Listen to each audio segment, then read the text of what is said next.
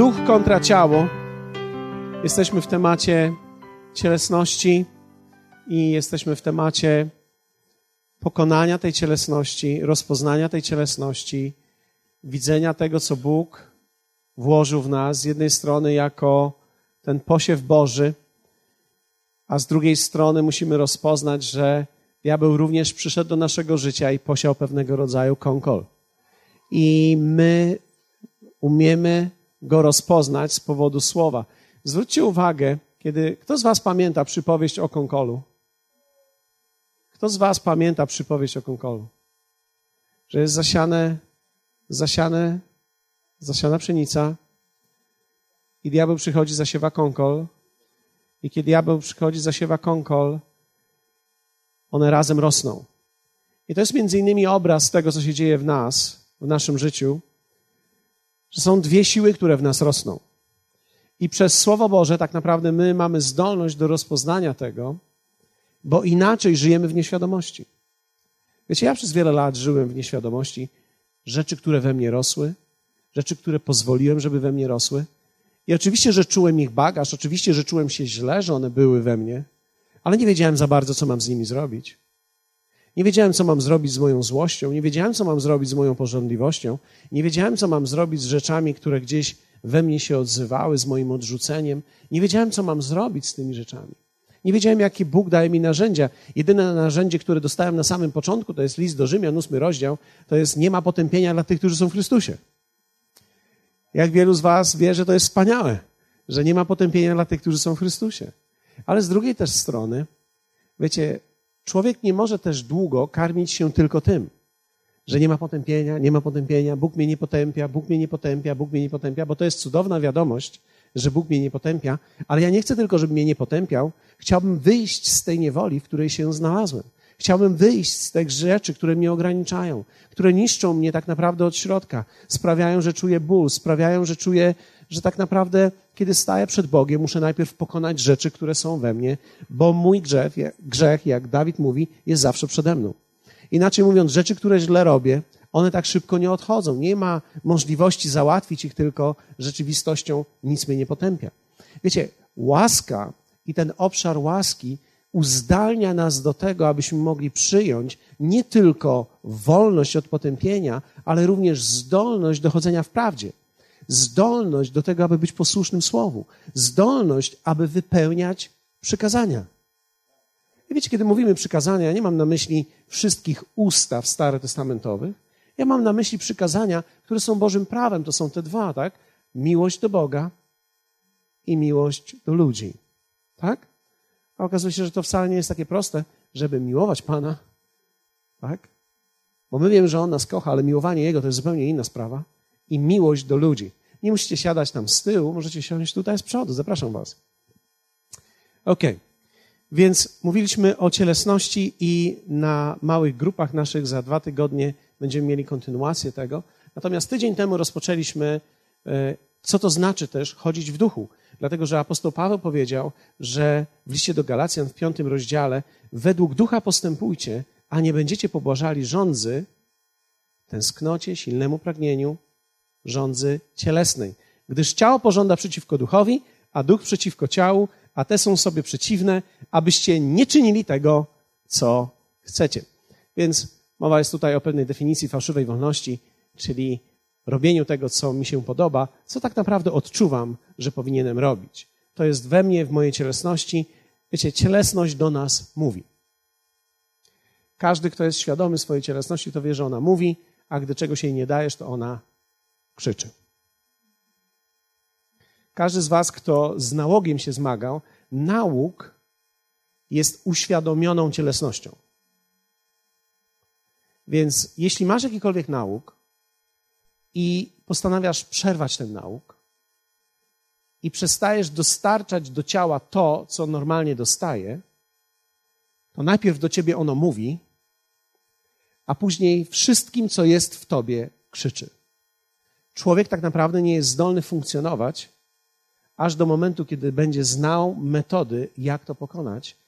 I czasami jest to cud Boży, czasami jest to Boża instrukcja, a czasami jest to umiejętność, którą mamy w słowie, o której dzisiaj będziemy mówili. Duch kontra ciało. Świadomość naszej cielesności jest bardzo ważna. Wiecie, ja zdaję sobie sprawę z tego, że musimy mieć świadomość, kim jesteśmy w Chrystusie, że jesteśmy nowymi stworzeniami. Ale również musimy być świadomi, jaki pakiet otrzymaliśmy cielesności. Dlatego, że każdy z nas zarządza pewnego rodzaju pakietem. Żaden człowiek nie jest słaby we wszystkim. Ale każdy człowiek ma pewną słabość i wypracowaną cielesność w czymś. Ty masz swój pakiet. Nie wiem, czy jesteś jego świadomy, nie wiem, jak nim zarządzasz, ale umiejętność zarządzania tym pakietem cielesności i skontrowaniem tego działaniem według ducha będzie kluczem do Twojego zwycięstwa.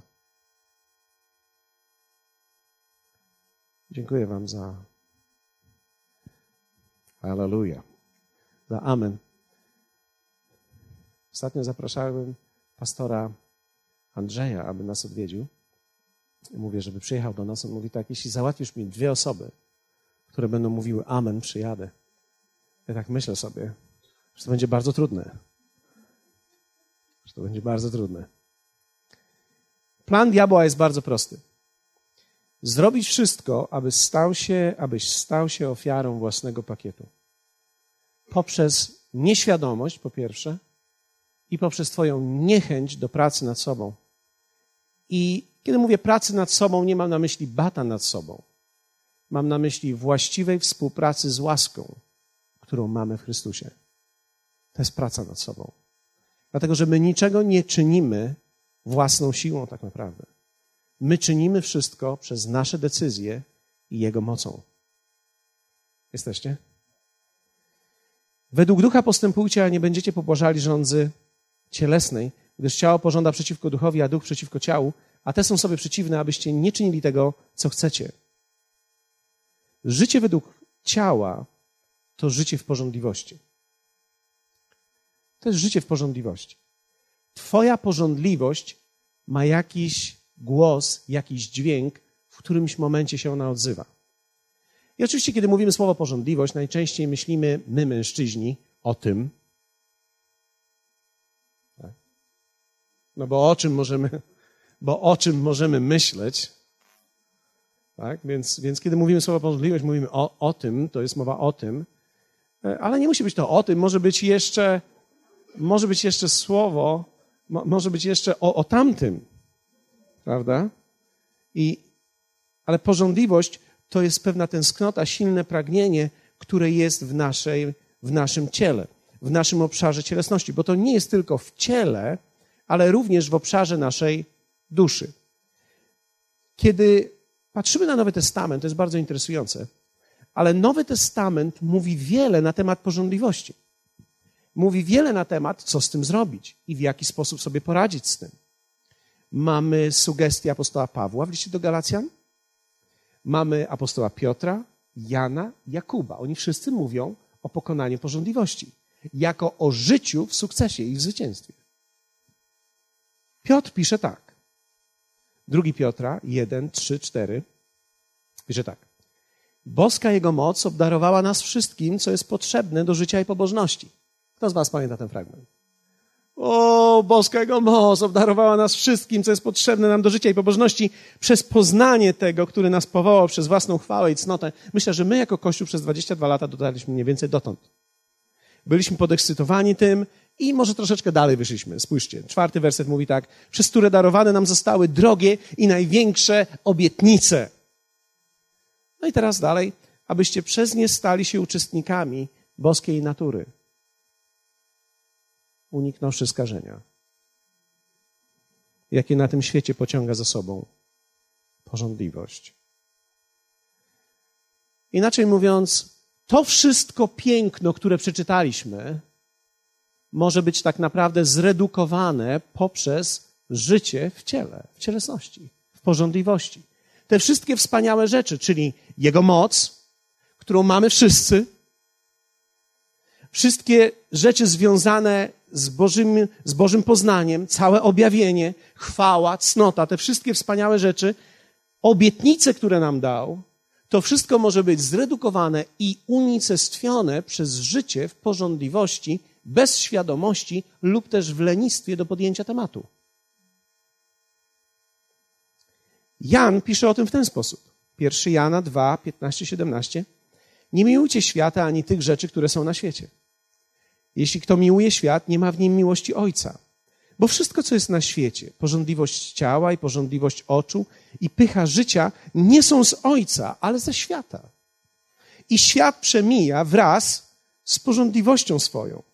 Ale kto pełni wolę Bożą, trwa na wieki. Zwróćcie uwagę, zestawienie jest tutaj porządliwość z wypełnianiem woli Bożej. Inaczej mówiąc, albo wypełniam porządliwości ciała, albo wypełniam wolę Bożą.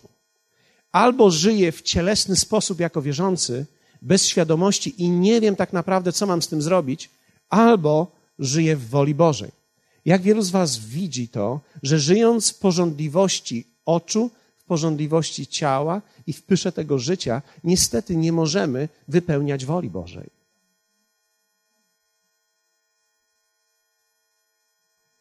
Jakub, apostoł Jakub pisze tak. Pierwszy rozdział 13-15. Niechaj nikt, gdy wystawiony jest na pokusę, nie mówi, przez Boga jestem kuszony. Bóg bowiem nie jest podatny na pokusy do złego, ani sam nikogo nie kusi. Lecz każdy bywa kuszony przez własne porządliwości, które go pociągają i nęcą. Powiedzmy razem, pociągają i nęcą w tej chwili w Twoim życiu coś Cię pociąga i nęci. Może siedzisz tutaj, może jedziesz samochodem, może prasujesz. Coś Cię pociąga i coś Cię nęci. Werset 15. Potem, gdy porządliwość pocznie, rodzi grzech, a gdy grzech dojrzeje, rodzi śmierć. Porządliwość wyznacza tak naprawdę, powiedzieliśmy o tym, kierunek naszego życia. Czyli tak naprawdę każdy człowiek obiera kierunek według porządliwości. Wiecie, można robić karierę z porządliwości. A można robić karierę jako wolę Bożą. I wygląda na początku to tak samo, ale owoc jest inny. Dlatego jest to tak trudno komuś powiedzieć. Człowiek musi sam to odkryć. Ponieważ każdy człowiek musi osądzać swoje własne życie. To jest bardzo istotne. My nie możemy stać się sędziami innych ludzi. Chyba, że jesteś postawiony nad kimś, chyba, że jesteś pastorem, masz prawo lub liderem kogoś, bądź jesteś odpowiedzialny za kogoś, masz prawo, aby sugerować mu rzeczy albo zwrócić uwagę na niektóre rzeczy, ale nie mamy prawa osądzać nikogo. Człowiek powołany jest do tego, aby osądzać własne czyny i aby osądzać własne życie na podstawie Słowa Bożego. Porządliwość wyznacza kierunek życia, dlatego pierwszą rzeczą, którą zajęliśmy się w zeszłym tygodniu, było. Kto z Was pamięta? Kto z Was ma notatki? Ukierunkowanie. Czyli tak naprawdę to, co musi się zmienić w nas, to jest ukierunkowanie. Tak naprawdę Biblia mówi tutaj o upamiętaniu. Ja nazwałem to ukierunkowanie, ale tak naprawdę to jest upamiętanie. Upamiętanie to jest zmiana kierunku. Tak? Wiecie, kiedy człowiek idzie do baru, musi zmienić kierunek. No, robimy z tego wielką rzecz. Wielu innych rzecz, rzeczy dopuszczają się ludzie. My czasami koncentrujemy się na jednej, ale to jest tak, że czasami po prostu jest to najłatwiej, najprostszy przykład. Więc mówiliśmy o ukierunkowaniu, że tak naprawdę robią ludzie, co chcą. To znaczy robili to, co cielesność chciała. Leżysz na kanapie, godzina dziewiąta i czujesz, że ciało twoje mówi, coś by zjadło. Dziewiąta to nie jest normalnie pora do jedzenia, znaczy nie powinna być pora do jedzenia, ale cóż tam, idziesz do lodówki i robisz z niej telewizor, przeglądasz, sprawdzasz, co możesz zjeść, troszkę orzeszków, troszkę kamyczków, troszkę ciasta, kawałek ciastka, kawałek tego, kawałek tamtego, kawałek kiełbasy, kawałek boczku, kawałek cebuli, a może coś podsmażymy. E, I wiecie, ktoś może powiedzieć, to, czy to jest wielki grzech? No nie jest to wielki grzech. Problem jest taki, że kontynuując ten sposób zabijesz siebie. Dlatego, że gdy porządliwość pocznie, rodzi ona śmierć. Są pewne rzeczy, które ciebie niszczą i musisz uważać na to, bo twoja cielesność nigdy ci nie powie stop. Tak? Kiedy jesz loda i kiedy jesz drugi, drugi kilogram, bo, bo lubisz i teraz chcesz zmienić smak, I ktoś może powiedzieć, nie, ja aż tyle nie jem. Okay, ja nie wiem, jaka jest granica u ciebie. Każdy człowiek ma swoją granicę, ale są pewne granice. Twoje ciało nigdy ci nie powie, to twój rozsądek, twoja decyzja. To musi być świadoma decyzja twojego umysłu. Kiedy leżysz przed telewizorem i oglądasz już pięć godzin telewizję i tak naprawdę nic nie oglądasz, tylko przełączasz, w pewnym sensie tracisz już pięć godzin tego czasu. Ty mówisz, że odpoczywasz, a tak naprawdę męczysz się, bo się martwisz teraz. Siedzisz, leżysz, nie jesteś produktywny, nic się nie dzieje, nie odpoczywasz, męczysz się i chodzisz spać zmęczony jeszcze na dodatek bolą cię oczy. Tak więc, wiecie, cielesność jest dokładnie taka, że ona wykończa człowieka i nie pyta, kiedy jest koniec. Dlatego zmiana kierunku jest podstawą. Powiedzieliśmy, że właściwa nazwa tego to jest upamiętanie. To jest zmiana kierunku, aby nie żyć według ciała. Powiedzieliśmy sobie o dwóch obszarach bardzo istotnych. To jest to, że kiedy chcę, to muszę. Tak? Pamiętacie to? Ja tylko przypominam w tej chwili. Kiedy chcę, to muszę. I Bóg prowadzi nas przekonaniem, a niepewnością. To są dwie rzeczy, o których mówiliśmy w zeszłym tygodniu. W jaki sposób Bóg nas prowadzi? Bóg przekonuje nas.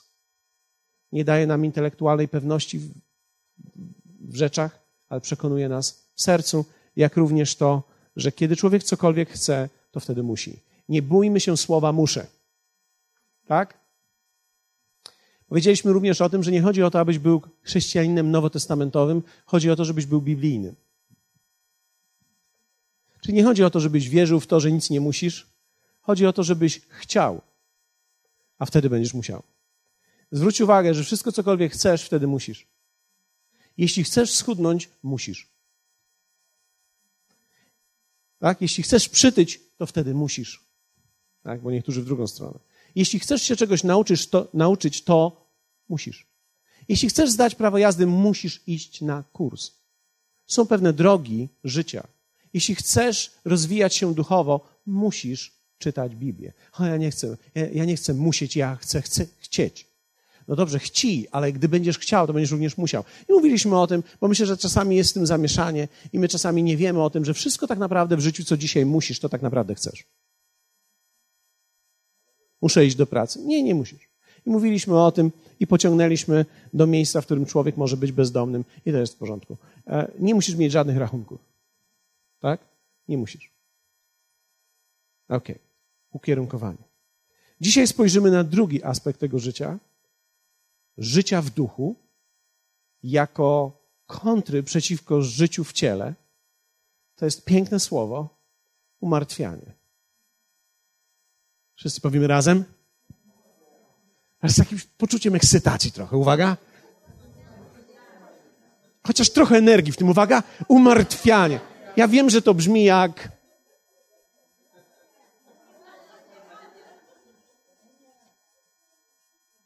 Kolosan, apostoł Paweł sugeruje to i mówi dokładnie o tym liście do Kolosan w trzecim rozdziale, w wersecie piątym.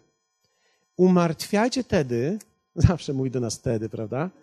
Zawsze zastanawiałem. Umartwiajcie tedy to, co w waszych członkach jest ziemskiego. I tu wymienia swoją listę, inną niż tą, którą czytaliśmy w Galacjan. Przeteczeństwo, nieczystość, namiętność, złą pożądliwość i chciwość, która jest bałwochwalstwem, ale w zasadzie są to te same rzeczy. Myśmy rozważali trochę inną listę, przyjrzeliśmy się temu, co mówi ona w greckim. Fascynująca lista.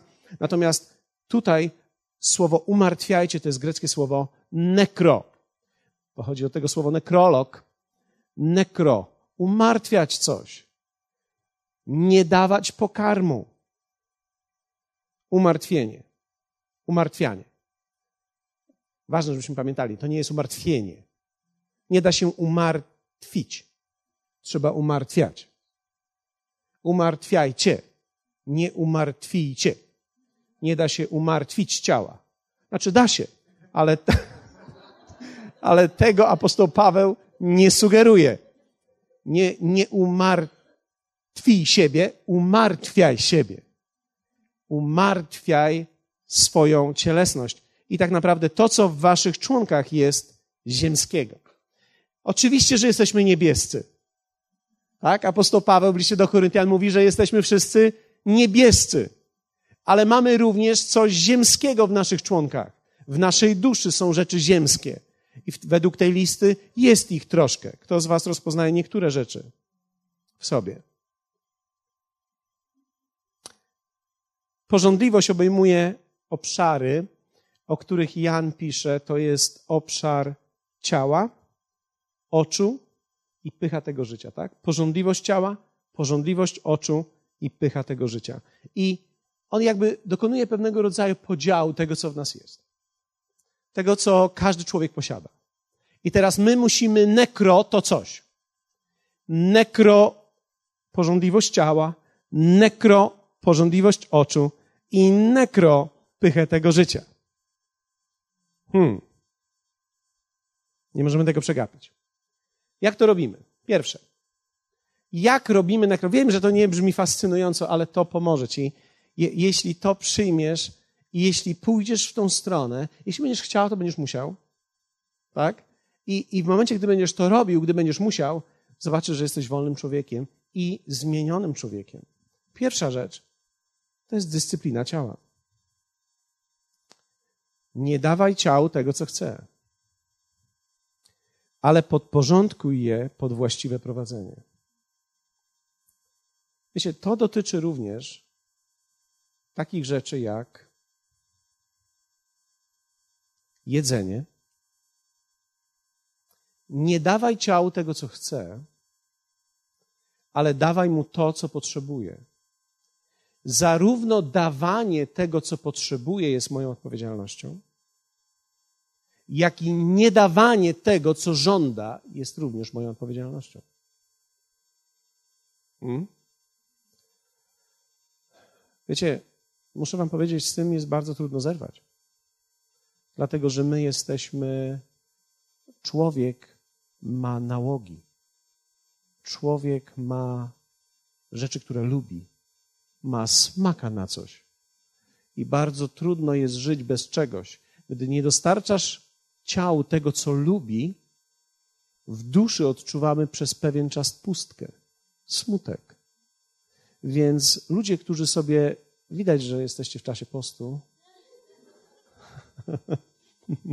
przynajmniej niektórzy, nie dostarczacie sobie słodyczy i przez to jesteście bardzo nieszczęśliwi. Dusza odczuwa to. My w duszy odczuwamy to, gdy nie dajemy ciału to, co ono lubi. To jest jedzenie, higiena życia, tak? w której również jest spanie, właściwa ilość snu, nie za długo, nie za mało. Wiecie, kiedy człowiek śpi za długo, to też się zmęczy. Musimy spać właściwie, a najlepiej jest kłaść się o właściwej porze. Ktoś może powiedzieć, a która to jest właściwa? Dla mnie, ja jestem sowa, lubię, lubię o czwartej spać do jedenastej. Może to jest w porządku. Jeśli będziesz, gdy będziesz już miliarderem, idź w tą stronę. Ale dopóki nie jesteś, to jest to bardzo mało praktyczne, bo większość ludzi, kiedy ty pracujesz, śpi. Tak? Chyba, że masz firmę komputerową i współpracujesz z Kairem. Tak? To wtedy to przesunięcie czasowe jest bardzo dobre. Ale jeśli tak nie jest, to dobrze jest, kiedy masz 7-8 godzin snu. Ktoś może powiedzieć, mi wystarczają trzy. Rzadko komu wystarczają trzy. Jeśli jesteś takim przypadkiem i mnie słuchasz w tej chwili, okej, okay, ale nie schodź poniżej trzech. A jeśli powiesz, ja potrzebuję co najmniej 12, Proszę cię, nie wydłużaj tego, raczej miej tendencję do skrócenia tego. Wysiłek fizyczny. Można go w ogóle nie mieć, a można mieć nadmierny wysiłek fizyczny. Ważność ćwiczeń. Jeśli siedzisz i masz pracę, dzisiaj wiecie, dzisiaj wielu ludzi pracuje przed komputerem. Jedną rzecz, którą robimy, to siedzimy. Kiedy siedzimy, to jest kwestia kręgosłupa, to jest kwestia E, wiecie, to jest kwestia wzroku, to jest kwestia otyłości, to jest kwestia ogólnie całej naczynowości człowieka. Ciało nie zostało powołane, żeby siedzieć i jeść i pić 16 kaw. No, nie jest powołane. Znaczy, można to robić, ale wtedy, gdy porządliwość pocznie, rodzi grzech, a grzech rodzi śmierć. Czyli grzech to jest tak naprawdę niecelowanie do celu właściwego. I to wszystko nas niszczy. Czy warto jest o tym mówić? Tak, bardzo istotne to jest. Jest wiele rzeczy, które człowiek może zmienić, gdy zaczyna coś robić. Na przykład, kiedy jesteś mężczyzną i dużo pracujesz e, tak naprawdę nie fizycznie, to potrzebujesz troszeczkę wysiłku fizycznego. i zachęcam do różnego rodzaju ćwiczeń. Nie musisz biegać, jeśli nie lubisz biegać, ale polub coś. Ktoś może powiedzieć, no ale co mam polubić, jak nic nie lubię? No widzisz, no właśnie, tu się zderzamy, tu się zderzamy z pewną cielesnością. Ciało lubi leżeć i być basowane. Ciało nie lubi podjęcia wysiłku. Wiecie, ja jeszcze, to, to wymaga naprawdę wytrenowania pewnego nałogu w sobie, wytworzenia zupełnie nowego nawyku, może lepsze słowo, nawyku ćwiczenia, gdzie organizm zaczyna potrzebować, że potrzebuje ćwiczyć. Ale to zajmuje tak naprawdę miesiące i lata, żeby wytworzyć w sobie pewnego rodzaju nawyk i ten nawyk będzie ciebie trzymał dalej. Dlatego, że nigdy nie polubisz niczego, co jest przeciwne twojej cielesności. Tak? Kto lubi jeść trawę? No większość z nas rzadko kiedy lubi jeść mam na myśli zielone różne rzeczy. Większość z nas, gdy mamy do wyboru słodkie czy ładnie podpieczone mięsko, czy sałata bez poślizgu,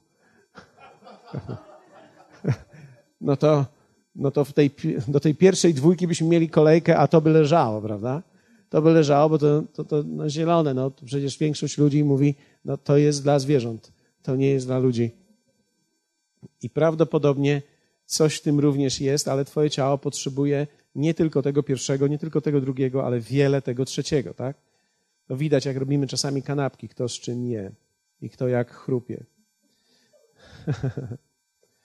ja często rozmawiałem z mówiłem, skończ z pasztetem. Oczywiście on, ja wiem, że pasztet lubi, wiecie, ja rozumiem, że każdy człowiek ma na coś smaka i ja nie chcę się rozwodzić tutaj, bo tu mamy być teraz uniesieni w w trzecim niebie, a ja was tutaj do ziemi sprowadzam i do kolacji. Ale rzeczywistość jest taka, że musimy umieć dyscyplinować nasze ciało. Nie wiem, jak twoje ciało funkcjonuje. Niektórzy mają, wiecie, bardzo dobrą dyscyplinę ciała, ale ja mógłbym jeść. Ja mam nieograniczone możliwości. Ja mam nieograniczone możliwości. I problem jest taki, niektórzy mówią, no spróbuj tylko. Wiesz, problem jest taki, że ja wolę nie próbować, bo ja boję się, że polubię, więc w niektórych sytuacjach musiałem sobie powiedzieć nie. Nie będę w ogóle nawet próbował tego, bo nie chcę. Bo ja nie mam czegoś takiego, zjem sobie kawałeczek. Ja jak zjem sobie kawałeczek, to już jest po wszystkim, idę w tą stronę, moja cielesność zaraz mówi, widzisz, już zjadłeś, to już jest koniec, złamałeś granicę, więc wtedy idę na całość. Wtedy już nie ma jednego kawałka, wtedy jest sześć. Więc ja na wszelki wypadek mówię, nie dziękuję, zjem później. Co oczywiście moja żona powiedziała ostatnio, że to jest wspaniały sposób oszukiwania ludzi. I jeśli ktoś z Was zapyta mnie, czy robię to świadomie, tak, absolutnie świadomie. Absolutnie, absolutnie świadomie oszukuję ludzi, bo chcę oszukiwać siebie i oszukać swoje ciało, po, ponieważ daję mu nadzieję, że później dostanie, a ja wiem, że nie dostanie. Ale ono jak słyszy, że dostanie, to się cieszy przez chwilę i jest mu dobrze i, i ludzie to znoszą. Więc jedzenie, higiena życia, spanie, wysiłek fizyczny, ćwiczenia – i to ma skutek niesłychanie duchowy. To ma skutek duchowy. Kiedy dobrze się czujesz, kiedy masz dobre samopoczucie, Twój duch funkcjonuje właściwie. Jesteś w stanie słyszeć lepiej Boży głos, jesteś w stanie funkcjonować lepiej, jesteś milszy dla ludzi, jesteś przyjemniejszy dla siebie. Kiedy coś jest nie tak, nie jadłeś cały dzień, jesteś zły, nie dostałeś kofeiny, jesteś podwójnie zły, nic słodkiego nie miałeś pod językiem, jesteś potrójnie zły, wchodzisz do domu, coś jest nie tak, problem gotowy. Kiedy jesteś wytrenowany, kiedy robisz rzeczy właściwie, o wiele łatwiej jest dyscyplinować całego siebie. W jaki sposób tworzymy tą dyscyplinę ciała? Osiągamy to przez tworzenie właściwych i nowych nawyków w naszym ciele. Właściwe i nowe nawyki. Nie wiem, czy kiedykolwiek o tym mówiłem, ale wiecie, warto jest jeść śniadanie. Niektórzy mówią, nie jem śniadań, dopiero zaczynam od pierwszej. Nic dziwnego, bo później kończysz o jedenastej. Zmień cykl. Twórz nowe nawyki, nowe nawyki w swoim własnym ciele. Nawyk ćwiczenia. Wiele nowych nawyków. Jeśli, posłuchajcie mnie, jeśli nie będziemy w stanie zarządzić tym, co jest tak blisko nas, jak chcemy zdobyć kraj dla Jezusa? Jak my nie możemy zdobyć 90 kilo, które nosimy przez cały dzień? Czy 102, czy 108, 112, dobrze, niech będzie. Zróbmy jakiś, jakąś granicę, 136 tutaj. Wszyscy czuli się dobrze. A masz, im mniej masz, tym masz mniej do zarządzania. Ale rzeczywistość jest taka, że wielu ludzi, wielu ludzi chce zarządzać wielkimi rzeczami i nie mogą pokonać czegoś, coś cały czas ich poniża. Ostatnio słuchałem bardzo interesującego wyznania, kiedy Tony Miller mówił o poście i tak niektórzy ludzie patrzyli na niego i wiecie, on jest taki facet dobrze zbudowany. Paski robią na zamówienie. I wiecie, ostatnio powiedział tak, że tak naprawdę, kiedy rozpoczął służbę, kiedy poszedł w trasę, kiedy, kiedy poszedł w pracę, w przygotowania i w podróże, mówi, wtedy zniszczyłem całkowicie moją dyscyplinę jedzenia. Jako pastorzy bardzo często mieliśmy późne spotkania, tak jak powiedzmy dzisiaj skończy się godzina 20, druga 30 tu mniej więcej. I, I powiedzmy wtedy idziemy na obiad. Wiecie, z dwóch, zda, z dwóch dań, nie z dwóch zdań, dwóch dań. I później idziesz tak spać i tak naprawdę jesteś całkowicie rozbity. Jest, twoje ciało jest rozbite. Kilka lat takiego funkcjonowania i nabędziesz takiej wagi, którą nie tylko trudno jest zrzucić, ale w ogóle trudno jest funkcjonować, dlatego że twoje ciało jest nagle w nawykach pewnych. Hormony zaczynają funkcjonować inaczej.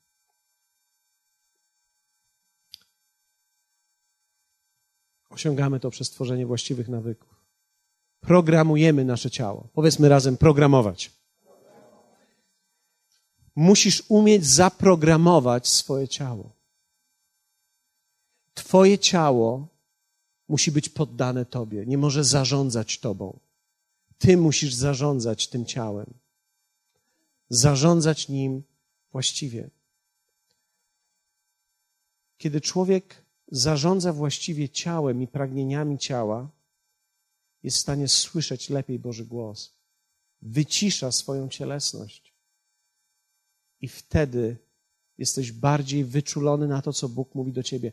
Taka jest rola postu, między innymi. Kiedy mówimy o poście, odsunięcia jedzenia, jakiegoś jedzenia, ale nie muszą być to tylko takie posty.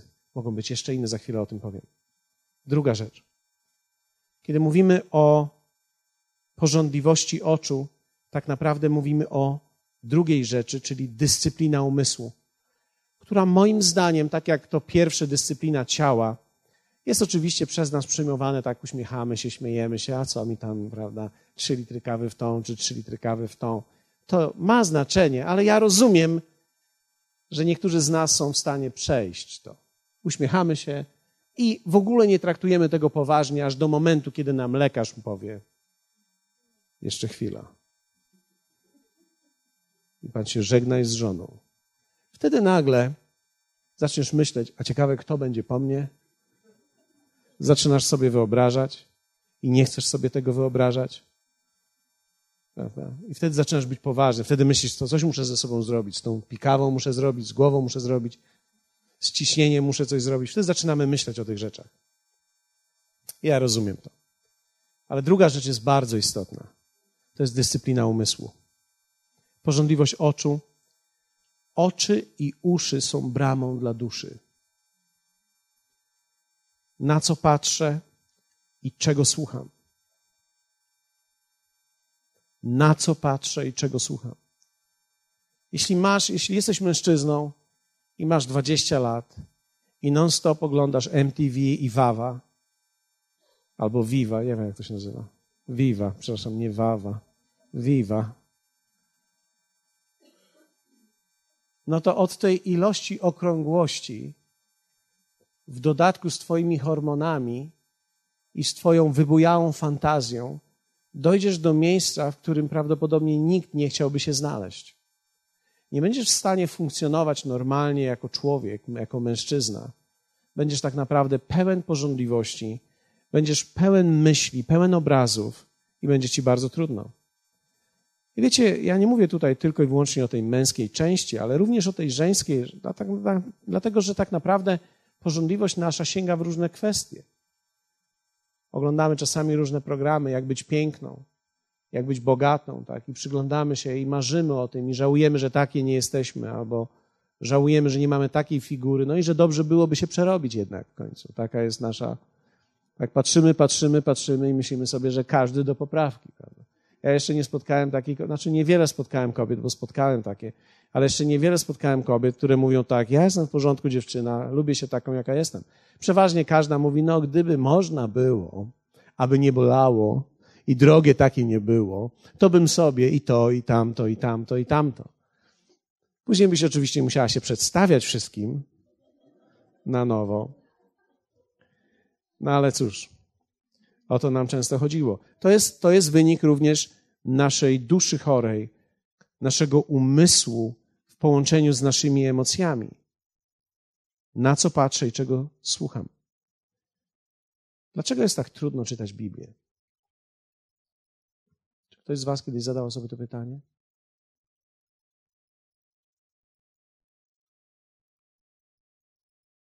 Wiecie, są ludzie, którzy mają, którzy czytają Biblię i mówią, a kocham czytać Biblię, cały czas kocham czytać Biblię. Możemy mieć takie sezony. Ale wierzcie mi, każdy człowiek, kaznodzieja, ja również, każdy, przeżywa taki moment, gdzie nie chcesz Biblii dotykać. Po prostu nie chce ci się. Dlaczego trudno czytać z Biblię?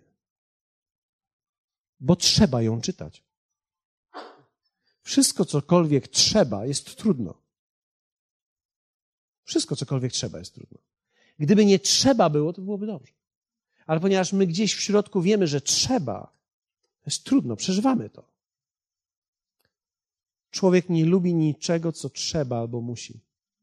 Podświadomie to odrzuca. Dlatego dyscyplina umysłu jest trudniejsza do uchwycenia, gdyż życie jest dynamiczne i umysł połączony jest z, z emocjami, więc myślimy o tym, co przeżywamy. Wiecie, to jest trochę tak. Nawet gdy weszliście tutaj na spotkanie, my mamy dzień za sobą dzisiaj.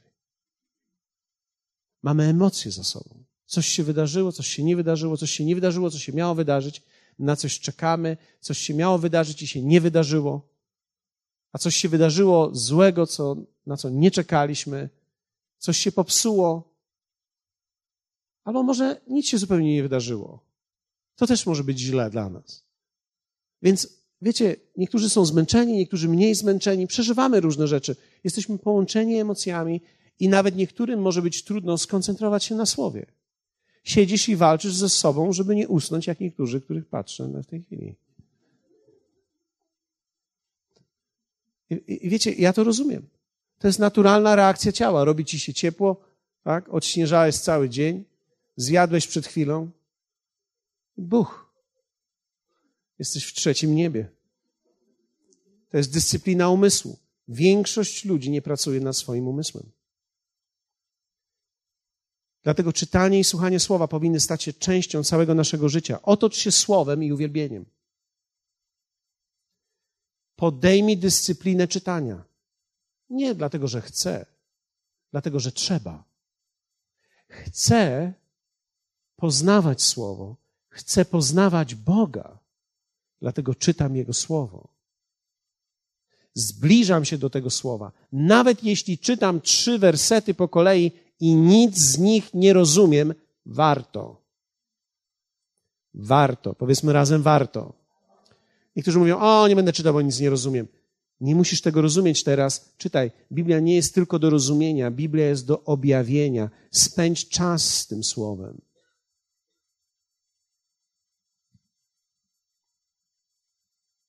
Potrzebujemy trenować siebie, mieć sesje myślowe.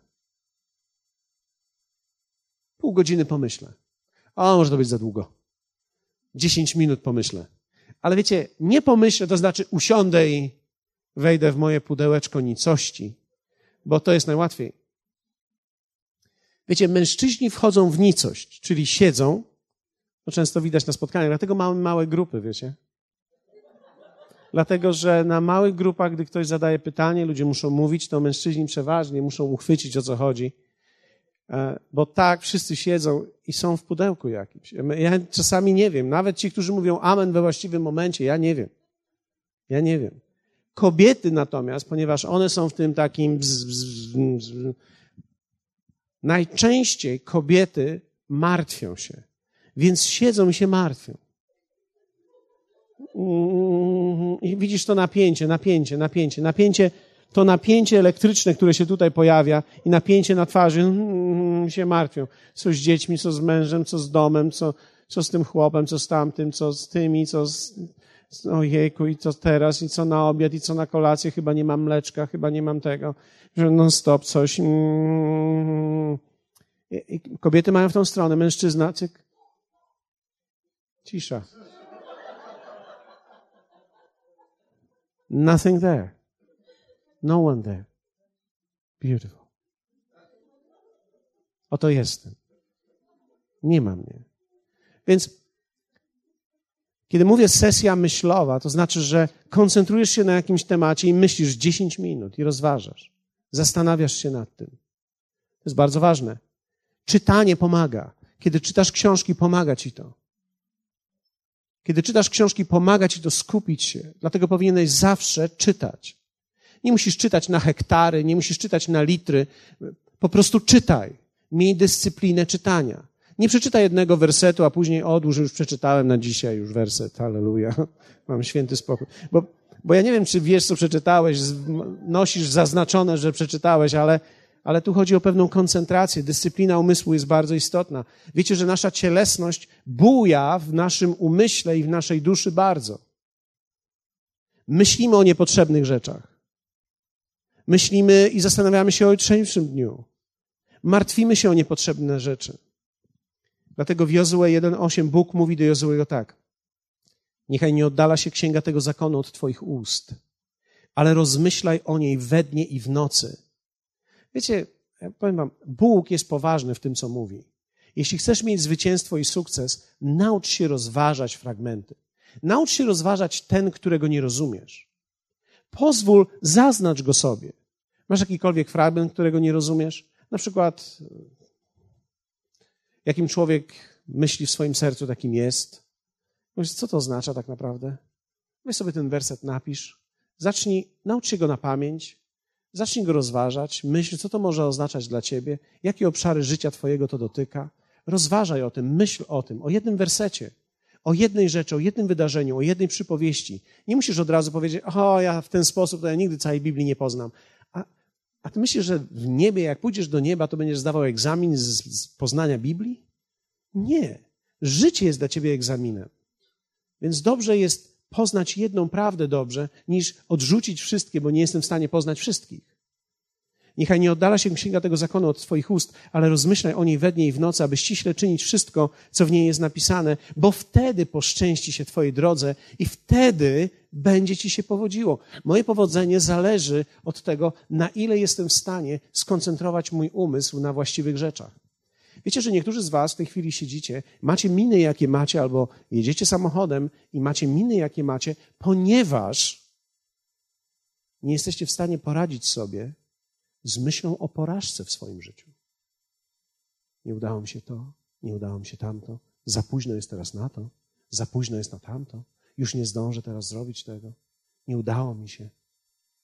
I tak myślisz i myślisz, rozważasz to. Trzaśniesz drzwiami w samochodzie, pójdziesz dalej, poszedłeś do Biedronki, kupiłeś trzy jogurty, wróciłeś do samochodu, włączasz muzykę i znowu to. I znowu ta medytacja nad porażką, nad tym, co się działo. Nie udało mi się to, nie udało mi się tamto. Na chwilę dzwoni żona. Gdzie jesteś? No jadę już. Co tak długo? Kup jeszcze masło. Zatrzymujesz się, idziesz i non-stop rozważasz. Jestem przegrańcem. Wziąłem Orpę za żonę. Tą upartą. Nie, w ogóle nie jest Noemi, nie jest przyjemna, jest Orpa, jest uparta ciągle mi rozkazuje. Ja w ogóle e, nikt mnie nie słucha, mój pies mnie nie słucha, moja żona mnie nie słucha. Wszyscy mi rozkazują, mówią, co mam robić. I wiecie, człowiek może sycić się myślami i nie wiedząc o tym, że tak naprawdę jest to obszar jego duszy nieuporządkowany, całkowicie poza Słowem Bożym. Konsekwencja tego jest taka, że wszystkie Boże obietnice, o których apostoł Piotr pisał, które przez poznanie otrzymałeś, tak naprawdę są zredukowane przez poziom Twojej cielesności, która nie jest przez Ciebie zarządzana, bo jej nie widzisz i nie złapałeś tego w pakiecie. To przeciągnęło Ciebie na tą stronę, że żyjesz w tym. Nic mi się nie udaje, nie umiem, nie wiem, jak mam to zrobić. O, jestem przegranym człowiekiem. Wiecie, my nawet nie musimy tego artykułować. My możemy tą cichą myśl mieć w sobie. O, zobacz na to. Ciekawe, jakie nowe nieszczęścia przyjdą. Ciekawe, co teraz się jeszcze stanie. Wiecie, ludzie są pełni tego. Będę z wami szczery. Ja byłem pełen tego. Pełen byłem tego aż do momentu, kiedy Słowo Boże nie zaczęło być we mnie autorytetem. A ono nigdy nie stanie się autorytetem, dlatego że powiesz, niech się stanie. Ono się stanie autorytetem, gdy wypełnisz swoje myśli, gdy wypełnisz swoją duszę tym słowem. Jesteście ze mną? Nie da się tego wypełnić bez nawyków myślenia, bez nawyków mówienia do siebie. Wypowiadaj słowa o sobie. Kiedy się golisz, jesteś zwycięzcą. O, zaciąłem się. Wiecie, człowiek może się zaciąć i powiedzieć, no, ja do tego się ciąć umiem.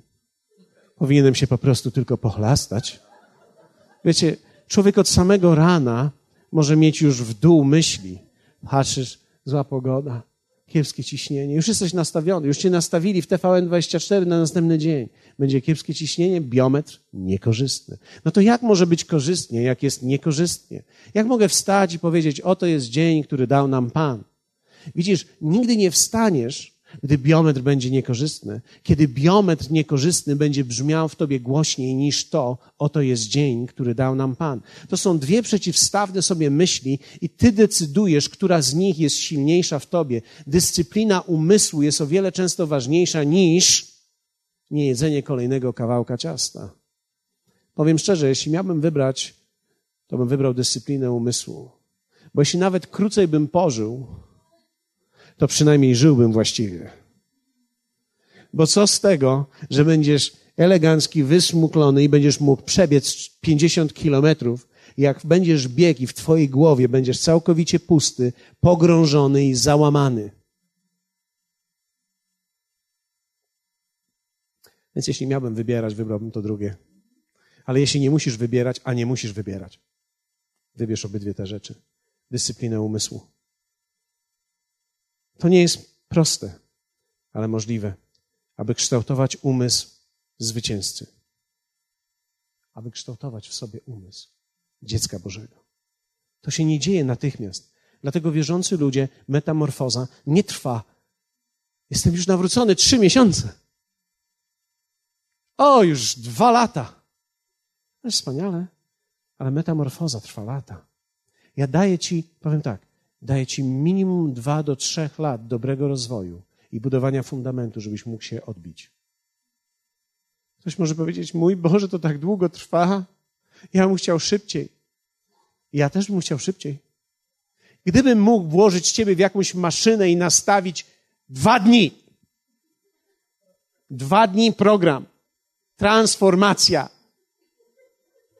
ja bym to zrobił. Ja bym tą maszynę wynalazł. Ja myślę, że któregoś dnia wynajmę taką maszynę.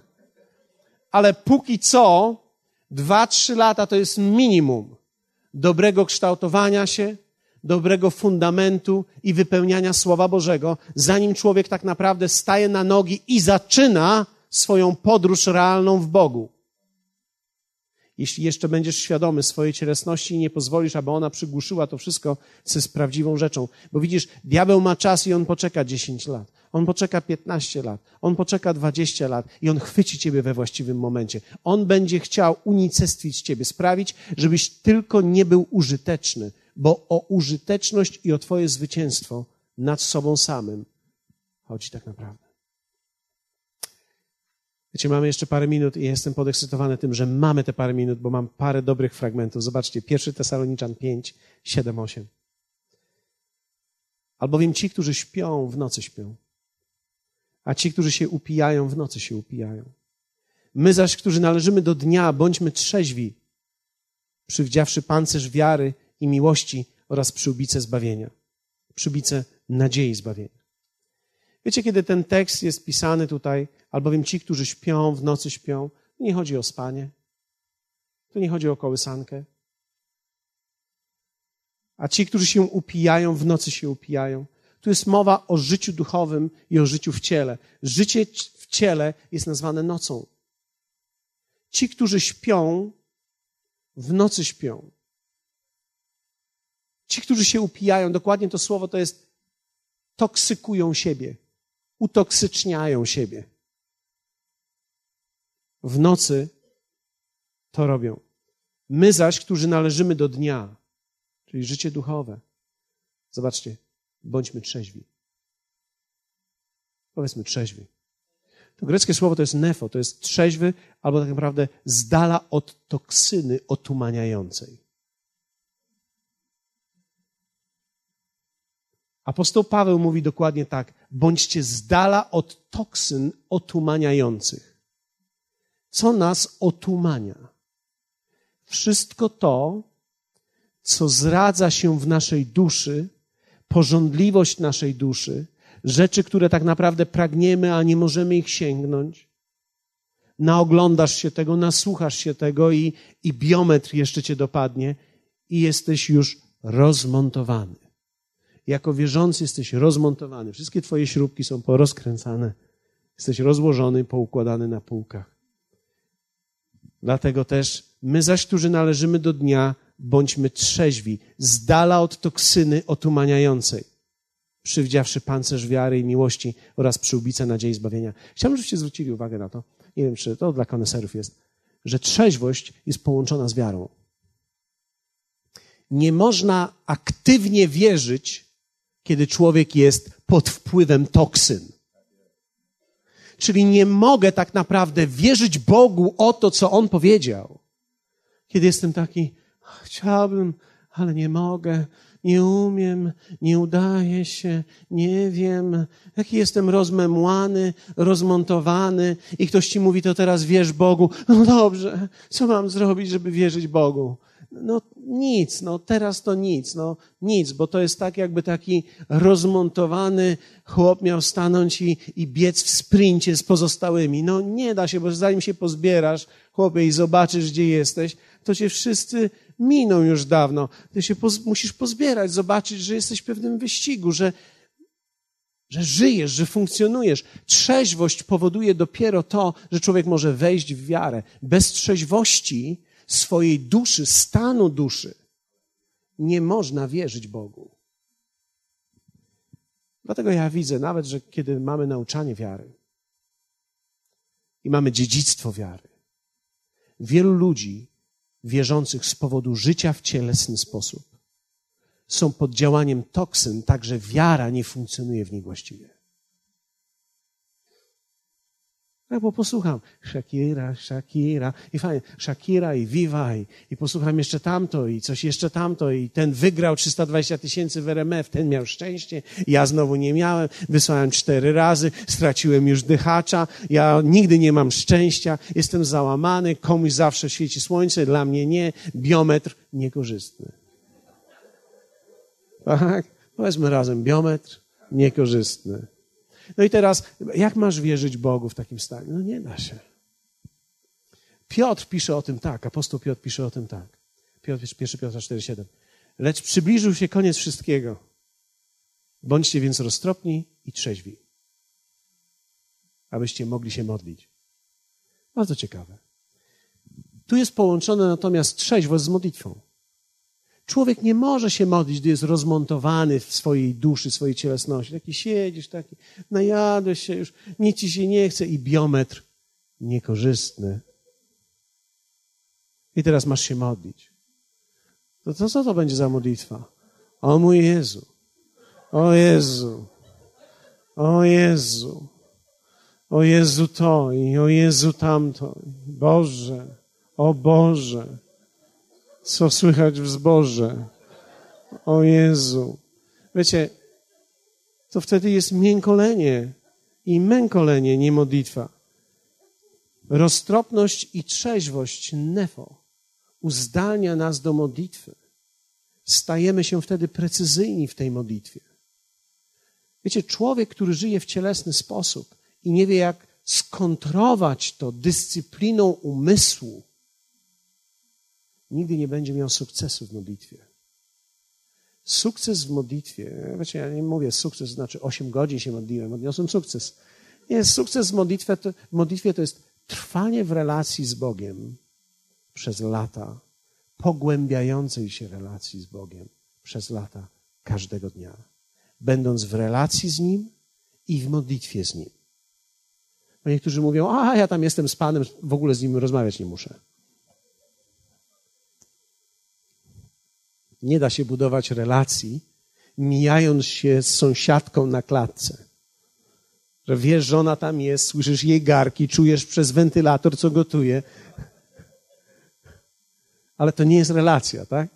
To jest bycie ze sobą. Niektórzy tak rozumieją, że jest, są w relacji z Bogiem, słyszę, co gotuje, wiem, że tam jest, ale z nim nie rozmawiam. Pierwszy Piotra 5, 8, 9 jest inne słowo. Podoba mi się. Bądźcie trzeźwi, mówi Piotr. Czuwajcie. Przeciwnik wasz diabeł chodzi wokół jak lew ryczący, szukając kogo by pochłonąć. Przeciwstawcie mu się mocniej w wierze. Znowu tutaj mamy mocny w wierze w momencie, kiedy człowiek jest trzeźwy. Powiedzmy trzeźwy. To greckie słowo tutaj to jest dokładnie sofroneo. Oznacza kontrolować swój własny umysł. Piotr musiał być mistrzem tego.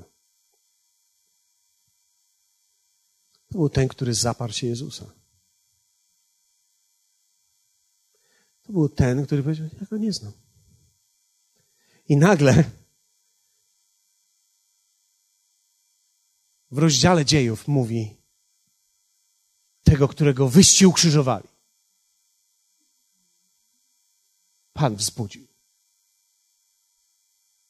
Mówimy o człowieku, który potrafi zapomnieć o swoich błędach, który potrafił utrzymać swój umysł w ryzach. Apostoł Paweł, który był prześladowcą i który tak naprawdę miał na swoim sumieniu śmierć ludzi, musiał umieć zapomnieć o tym, kontrolować swój umysł. Wiecie, ja spotkałem ludzi, którzy zabili człowieka to ciągnie się za nimi całym życiem. Każdego dnia o tym myślą. Każdego dnia z tym się budzą. Tak naprawdę trzeba umieć kontrolować swój umysł i zapomnieć właściwie o tym, przyjąć Boże przebaczenie. I większość z tych ludzi wiedziała, o czym mówi. Przeciwnik wasz diabeł chodzi wokół jak lew ryczący, szukając kogo by pochłonąć.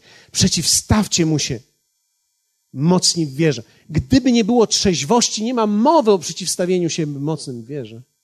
Trzeźwość umysłu jest podstawą. I ostatnia rzecz, dyscyplina postawy. Apostoł Jan pisze o tym pycha życia. To jest dyscyplina postawy. To jest tendencja, którą każdy z nas ma. Niezależnie od tego, czy jesteś młody, czy starszy, czy elegancko starszy. To jest życie niezależne. Każdy z nas szuka takiego miejsca, aby żyć niezależnym życiem. To jest próba dania sobie rady po swojemu. To jest oddzielenie się od ludzi. Wiecie, oddzielenie się od ludzi jest pychą. Nie potrzebuję was, więc żyję sam. Wiecie, nie można być uzależnionym od ludzi, ale trzeba być właściwie zależnym od ludzi. Biblia uczy nas właściwej zależności, nie uzależnienia.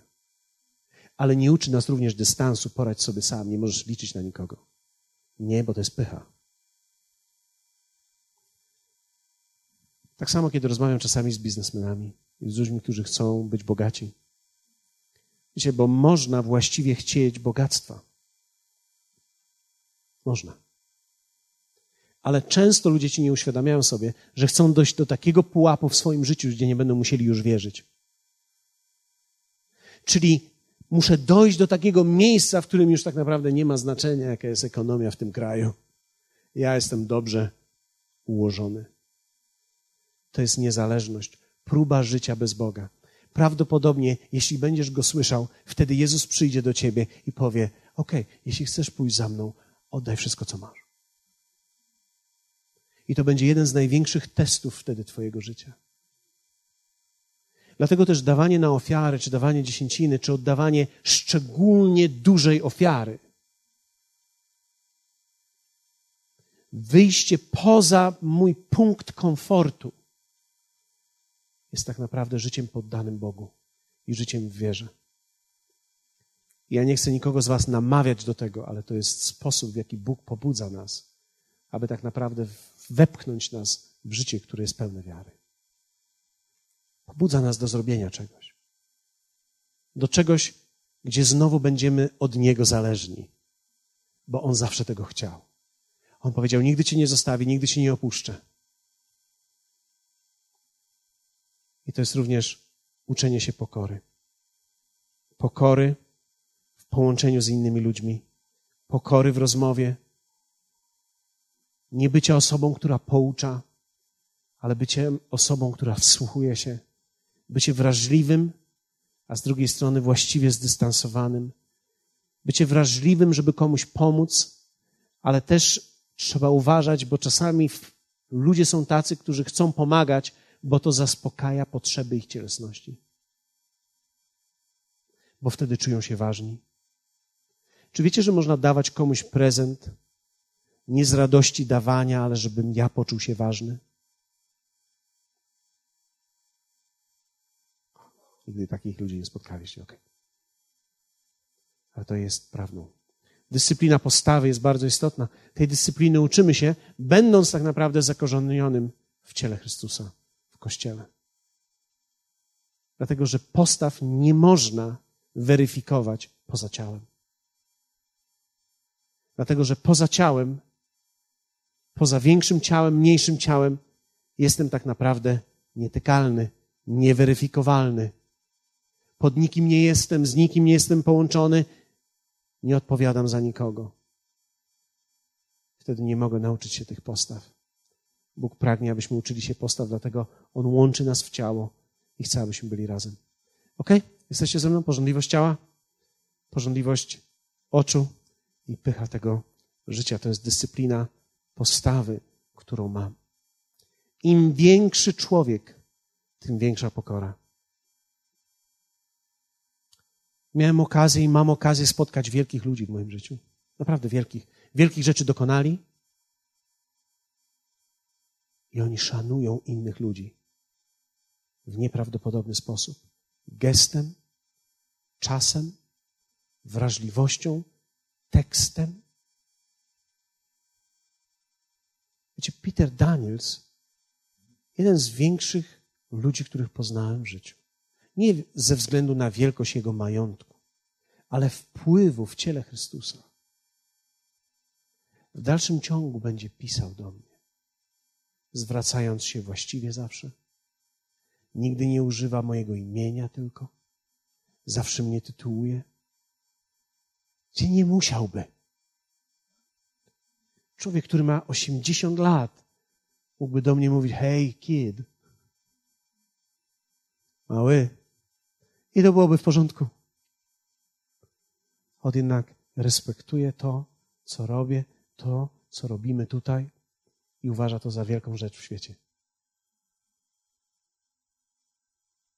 Wielcy ludzie mają w sobie wykształtowaną pewną postawę pokory, która wynika z ich dyscypliny postawy, którą mają. Dlatego, że we wszystkim i wobec wszystkich chcą okazać się sługami Bożymi. I to jest nasze powołanie. Nie da się tego zrobić. Nie da się tego zrobić, kiedy człowiek nie poddaje się dyscyplinie swojej postawy. Dlatego też nigdy nie mów o tym, co dokonujesz dla Boga. O, ja głoszę tam i uzdrawiam tam i robię to i robię tamto. Nie rób tego. Niech Twoje czyny Ciebie chwycą i niech one opowiadają o Tobie. Nie bądź reklamą samego siebie. Niech inni mówią o tym, czego dokonałeś. A kiedy znajdą, co zrobiłeś, powiedz: Sługą po prostu jestem. Jestem tylko sługą. Bo to jest prawda. Nic nie możemy zrobić bez Niego. I poza Nim cokolwiek zrobimy, nic nie ma sensu. Halleluja.